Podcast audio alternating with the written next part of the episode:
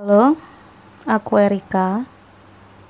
Di sini aku pengen cerita share tentang kejadian horor yang ada di rumahku.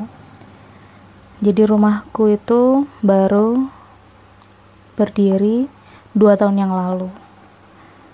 Ini posisi rumahku ini di depan sawah dan dikelilingi sama pohon bambu kalau orang Jawa bilang uh, di sini itu kebun bambu. Jadi semuanya bambu.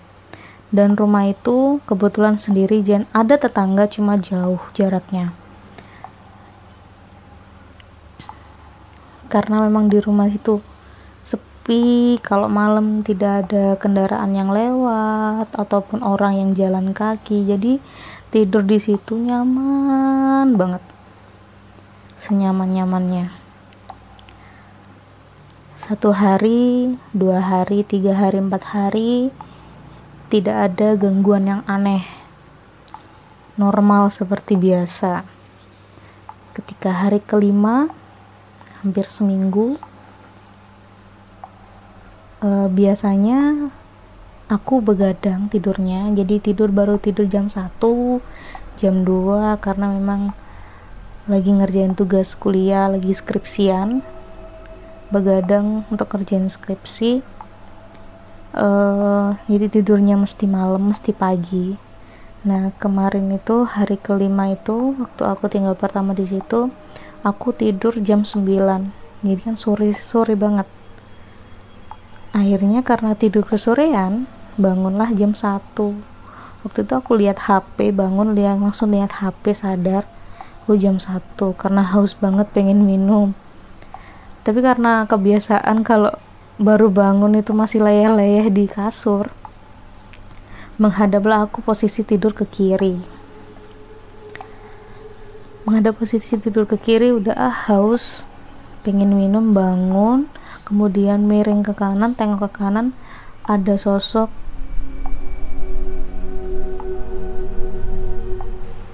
Pocong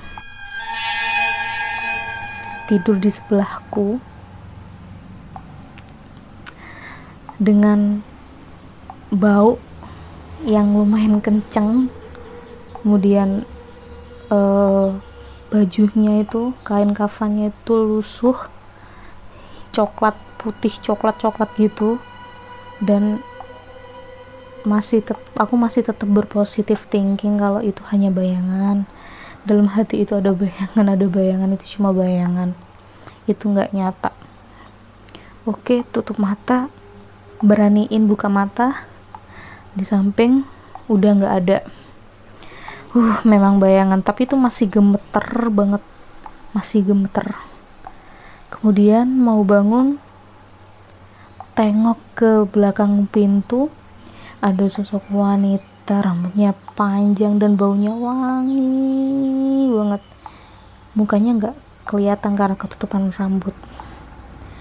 Seketika itu udah nggak mau bangun tidur nggak mau bangun dan ngambil air langsung tidur. Udah tutup mata.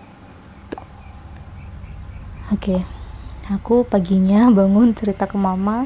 Kalau mama juga ngerasa ternyata mama juga ngerasa kalau diganggu seperti suara ketuk-ketuk terus bau-bau kaca bau-bau yang aneh gitu. Gitu. Itu di seminggu setelah rumah itu berdiri. Gitu.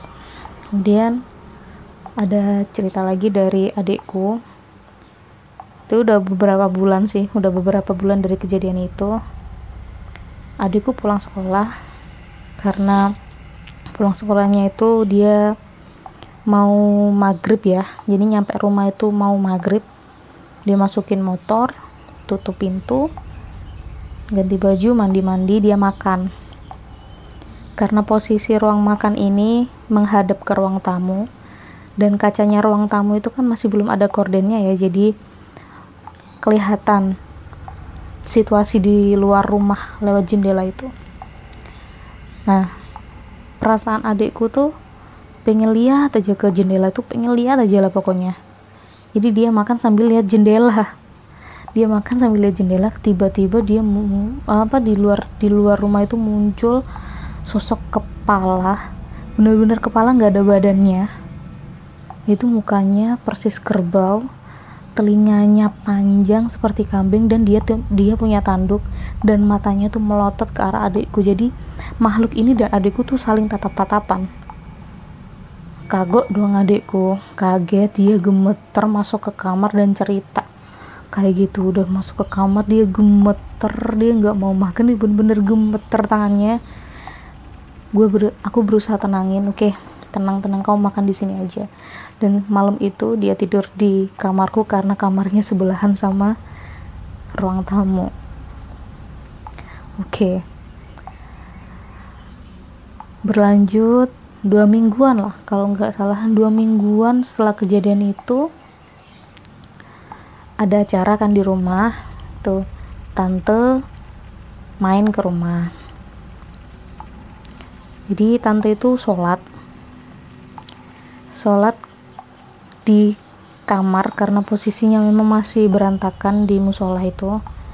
Sholat di kamar. Kemudian dia tanya setelah sholat itu bener nggak sih hadapnya kiblatnya ke sana gitu? Oh bener tante. Gitu. Tuh tante dikasih tahu siapa kok? Tahu gitu. Oh enggak. Tadi ya tante lihat di kamarnya adikmu itu ada sosok laki-laki kayak remaja laki-laki gitu tingginya kayak adikku persis adikku. Dikira malah adikku yang sholat. Dia punya dia pakai baju kokoh gitu kopiahan putih dia pakai baju kokoh warna putih aku bilang loh adik tuh nggak punya tante baju koko warna putih. Aku bilang gitu. Nah terus di kamar itu siapa? Katanya. Waduh siapa ya tante? Nggak tahu. Ya udahlah nggak usah dipikirin. Tante aku bilang gitu. Nah aku tanya ke mama mah uh, tante lihat sosok uh, laki-laki mirip adik nih pakai baju koko putih. Gitu. dan mama tahu. Walah gitu aku bilang. Oke. okay, setelah itu kejadian di rumah itu kalau setiap malam kayak ada bau kentang goreng ada kayak kopi hitam itu ada kayak kacang rebus. Bau-bauan seperti itu di malam hari. Padahal kan posisinya jauh dari tetangga jadi nggak ada yang masak. Siapakah yang masak gitu? Kok ada bau-bau seperti itu di dapur nah udah ada kejadian lagi. Waktu itu uh, temen suamiku main ke rumah. Karena suamiku mau ke dapur gitu ambil minum dia di depan rumahku sendirian. Waktu itu gerimis hujan gerimis gitu lebet hujan. Dia duduk-duduk di mobil. Kan di sekitar rumah ini eh, kebun bambu nih. Di situ ada eh, pohon pisangnya di situ. Ada, satu pohon pisang. Dia tuh perasaannya dia tuh pengen lihat aja ke sana gitu. Pengen lihat dan dia itu lihat ada sosok pocong yang berdiri ngeliatin dia gitu. Ngeliatin dia dia takut dong sontak. Kemudian nah sosok si yang kataku tadi yang dilihat tante ini sosok pemuda ini dia pemuda ini tuh keluar rumah lewat jendela bus gitu kata temanku. Nembus jendela. Nah pocongan ini kemudian terbang lewatin atas rumahku. Seret ke kanan rumahku dan hilang. Seketika itu temennya suamiku langsung masuk ke dalam rumah dan gemeteran ketakutan. Sudah. Dari situ mulai dia mulai tenang diceritain oh iya memang di sini banyak uh, makhluk makhluk seperti itu diceritain dia mulai dia mulai tenang. Nah ada kejadian baru banget sekitar seminggu yang lalu. Nah di belakang rumah itu kan tetanggaku jauh nih dari belakang rumah. Nah di belakang rumahku ini ada pohon uh, kelapa yang mentiung gini loh mentiung. Gimana sih kalau ngejelasin bahasa Indonesia nya bingung. Nah mentiung gini nah di situ dia tuh ngerasa kalau di situ ada karung karung beras warna putih itu nongkrong di situ mojok di situ gitu duduk di bawahnya pohon kelapa. Si tetanggaku ini penasaran siapa sih yang naruh uh, karung pasir di situ gitu kan. Pas dia jalan ke arah pohon kelapa itu akhirnya si pohon si karung beras ini tuh nengok ke arah tetanggaku ini seret ternyata sosoknya pocong lagi. Dan sontak dia lari ke rumah dan tutup pintu dan dia nggak berani keluar malam lagi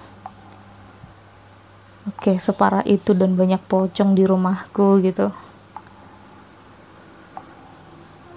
Baik sekian dulu cerita dari aku. Uh, semoga terhibur dan terima kasih